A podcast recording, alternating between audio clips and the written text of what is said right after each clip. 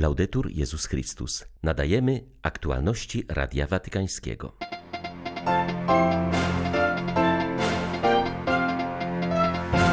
Norwegia przeżywa dziś dziesiątą rocznicę zamachów Andersa Breivika. O 12 we wszystkich kościołach biły dzwony. Potrzebujemy pozytywnej i silnej tożsamości narodowej, mówi norweski biskup Erik Warden. Tadżykistanie otwarto pierwszy klasztor kontemplacyjny. Został dedykowany świętemu Janowi Pawłowi II. Amerykańscy rodzice mobilizują się przeciw ofensywie ideologii gender w szkolnictwie. 22 lipca witają Państwa Beata Zajączkowska i Łukasz Sośniak. Zapraszamy na serwis informacyjny. Dziś w południe we wszystkich norweskich kościołach biły dzwony, aby w ten sposób zachęcić do modlitwy w intencji ofiar zamachów terrorystycznych, w których dokładnie przed 10 laty zginęło 77 osób. Ich sprawcą był 32-letni Anders Breivik. Powracający w rozmowie z Radiem Watykańskim do tych wydarzeń, biskup Erik Warden przyznaje, że Norwedzy wciąż nie mogą się otrząsnąć z tej tragedii. Nie rozumieją, jak mogło do niej dojść, uważają się bowiem za naród o szczególnie pokojowym usposobieniu. Kierujący prałaturą terytorialną w Trondheim biskup zauważa, że Norwegia w coraz większym stopniu staje się krajem wielokulturowym. W ostatnich latach ten proces mocno przybiera na sile. W takiej sytuacji trzeba w sposób pozytywny zdefiniować tożsamość narodową Norwegii. Pomocne może być w tym doświadczenie niewielkiej wspólnoty katolickiej, mówi biskup Warden. Unione My łączymy w naszej wspólnocie ogromną różnorodność. W naszej parafii katedralnej w Trondheim na przykład są obecni przedstawiciele 120 narodów. Oczywiście nie jest to wspólnota doskonała, ale podejmujemy starania, by w tej ogromnej różnorodności tworzyć jedność opartą na wierze, braterstwie i pojednaniu. I wydaje mi się, że funkcjonuje to całkiem dobrze. A zatem my, jako Kościół katolicki, możemy dać pozytywny przykład, być laboratorium integracji, która musi się dokonać na szczeblu ogólnokrajowym. Wiemy, że aby ta integracja mogła się dokonać, potrzebna jest właściwa tożsamość narodowa. Stoimy więc przed wyzwaniem, by sformułować tę tożsamość w sposób pozytywny, na czym polega dziś bycie Norwegiem. Naród, który określa własną tożsamość poprzez wykluczanie innych, jest słaby, jego tożsamość jest bardzo krucha. Natomiast naród o silnej tożsamości powinien umieć wyrazić się w sposób pozytywny i na tej podstawie budować polityczną i kulturalną jedność.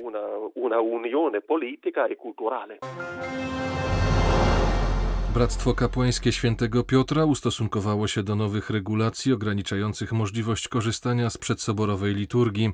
Wspólnota powstała w 1988 roku z woli świętego Jana Pawła II, aby wiernym, którzy są przywiązani do dawnego rytu, umożliwić trwanie w pełnej jedności z Kościołem.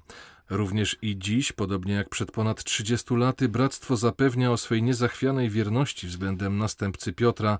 Potwierdza też wolę zachowania wierności własnym konstytucjom i charyzmatowi, dalej służąc wiernym. Mamy nadzieję, że będziemy mogli liczyć na zrozumienie ze strony biskupów, których władzę zawsze respektowaliśmy i względem których zawsze byliśmy lojalni, piszą zwierzchnicy bractwa. W pierwszych słowach swego komunikatu przyznają, że motu proprio traditionis custodes było dla nich zaskoczeniem.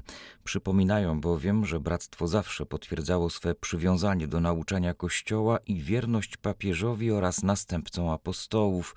Do nauczania soborowego odwołują się jego konstytucje, a cała jego działalność wpisuje się w to, co Benedykt XVI określił mianem hermeneutyki reformy w ciągłości Kościoła. Przełożeni bractwa nie ukrywają, że z głębokim smutkiem przyjęli zarzuty, które stawia się środowiskom sprawującym przedsoborową liturgię. Zapewniają, że bractwa to nie dotyczy. Są też zdumieni, że nie mówi się o owocach ich apostolatu, o tym, że wielu ludzi powróciło do wiary dzięki dawnej liturgii, a ich wspólnoty często są młode i dynamiczne i wyszło z nich wiele małżeństw, a także powołań kapłańskich i zakonnych. Przypomnijmy, że w podobnym duchu wypowiedziały się również niektóre episkopaty. Biskup Olivier Leborgne, wiceprzewodniczący episkopatu Francji, potwierdził w rozmowie z Radiem Watykańskim, że w jego kraju większość wspólnot tradycjonalistów nie stwarza problemów, o których jest mowa w liście apostolskim. To samo potwierdził również rzecznik prasowy Episkopatu Belgii. Ksiądz Tomi Scholtes powiedział, że nieliczne parafie tradycjonalistów w Belgii nadal będą mogły sprawować swoją liturgię, bo nie występują u nich problemy, o których mówi papież Franciszek. Tadżykistanie otwarto pierwszy klasztor kontemplacyjny. Mieści się on w stołecznym Dushanbe, nieopodal jednego z dwóch katolickich kościołów w tym kraju. Cała wspólnota katolicka na tadżyckiej ziemi liczy około 120 wiernych, którzy żyją w zdominowanym przez islam 9-milionowym społeczeństwie. Klasztor został dedykowany świętemu Janowi Pawłowi II, który zainicjował misję w Azji po upadku komunizmu. Został powierzony wspólnocie sióstr z Instytutu Słowa Wcielonego, z którego męskiego ramienia pochodzą dwaj pracujący w tym kraju kapłani. Wspólnotę tworzą cztery siostry z Uzbekistanu, Paragwaju i Argentyny, które będą się modlić o owoce misji apostolskiej na tej ziemi. Drugim zgromadzeniem zakonnym obecnym na tadżyckiej ziemi są misjonarze misjonarki miłości.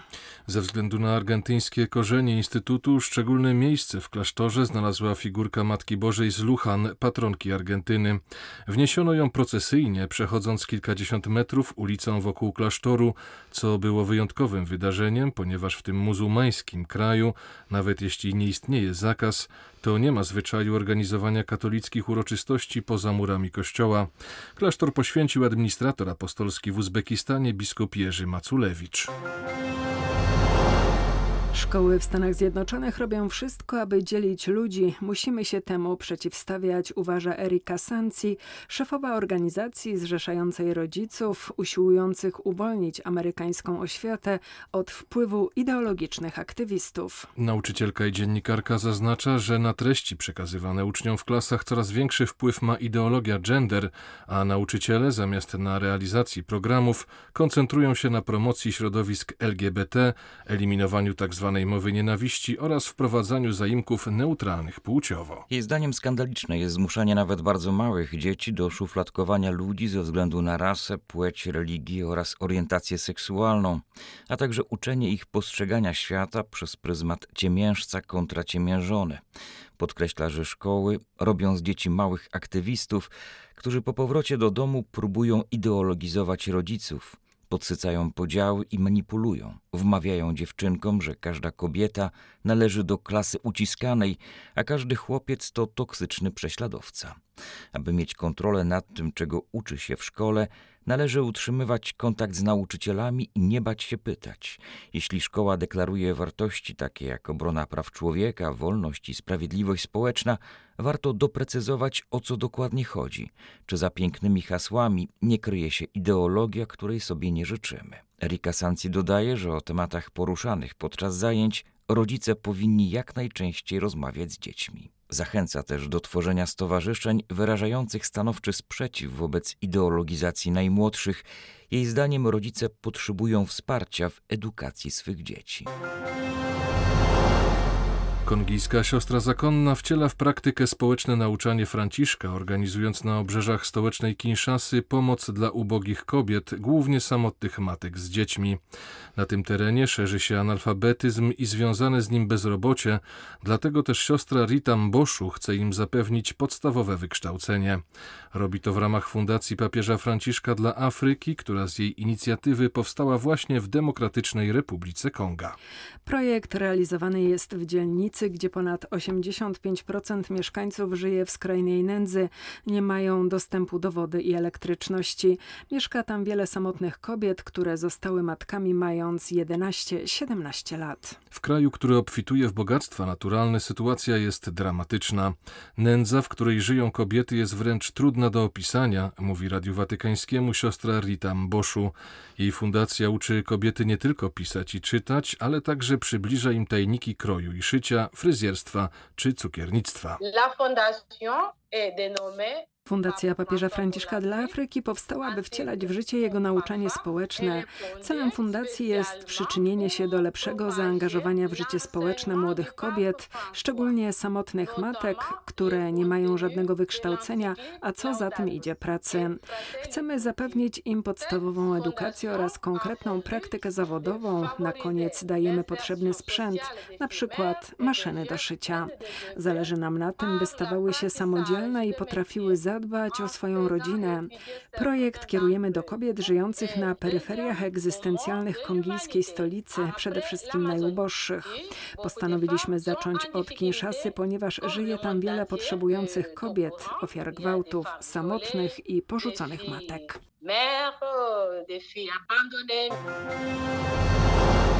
Irlandzkie władze od miesięcy utrzymują zakaz sprawowania w kościołach pierwszej komunii i bierzmowania. Pandemiczne obostrzenia miały być zniesione początkiem lipca, jednak przedłużono je do odwołania. Rząd zrobił to bez konsultacji z kościołem. Biskupi mówią o jawnym łamaniu wolności religijnej. Decyzja władz w Dublinie wywołała powszechne oburzenie katolickiej społeczności w tym kraju. Obostrzenia są tym bardziej niezrozumiałe, że w świątyniach restrykcyjnie przestrzegane są zasady sanitarne, a liczba wiernych mogących uczestniczyć w mszach zależy od wielkości kościoła. Główny epidemiolog tego kraju potwierdził, że nie są to miejsca stanowiące większe zagrożenia niż na przykład sklepy. Prymas Irlandii określił działania rządu rażącym brakiem szacunku wobec kościoła, także dlatego, że nie był on w tej sprawie konsultowany. Arcybiskup Emon Martin stwierdził, że nie może być tak, iż zakazuje się sprawowania niektórych sakramentów tylko dlatego, że tradycyjnie odbywają się po nich uroczystości rodzinne. Taki właśnie powód restrykcji dano biskupom do zrozumienia. Hierarcha wskazał, że zadaniem władz jest wyegzekwowanie obowiązujących zasad sanitarnych dotyczących spotkań, a nie anulowanie ich przez zakaz sprawowania sakramentów. Biskup Tom Denihan określił decyzję rządu mianem politycznej. Wskazał, że w Irlandii narasta coraz bardziej antykatolicka atmosfera. To nie politycy mają decydować, kiedy i jakie sakramenty można sprawować w kościołach. Takie postępowanie jest jawnym łamaniem wolności kultu, podkreślił ordynariusz Matt. Przypomniał jednocześnie, że w sąsiedniej Irlandii Północnej już od kilku miesięcy można sprawować wszystkie sakramenty. Decyzja władz w Dublinie zdaje się mieć wyraźnie antykatolicki charakter.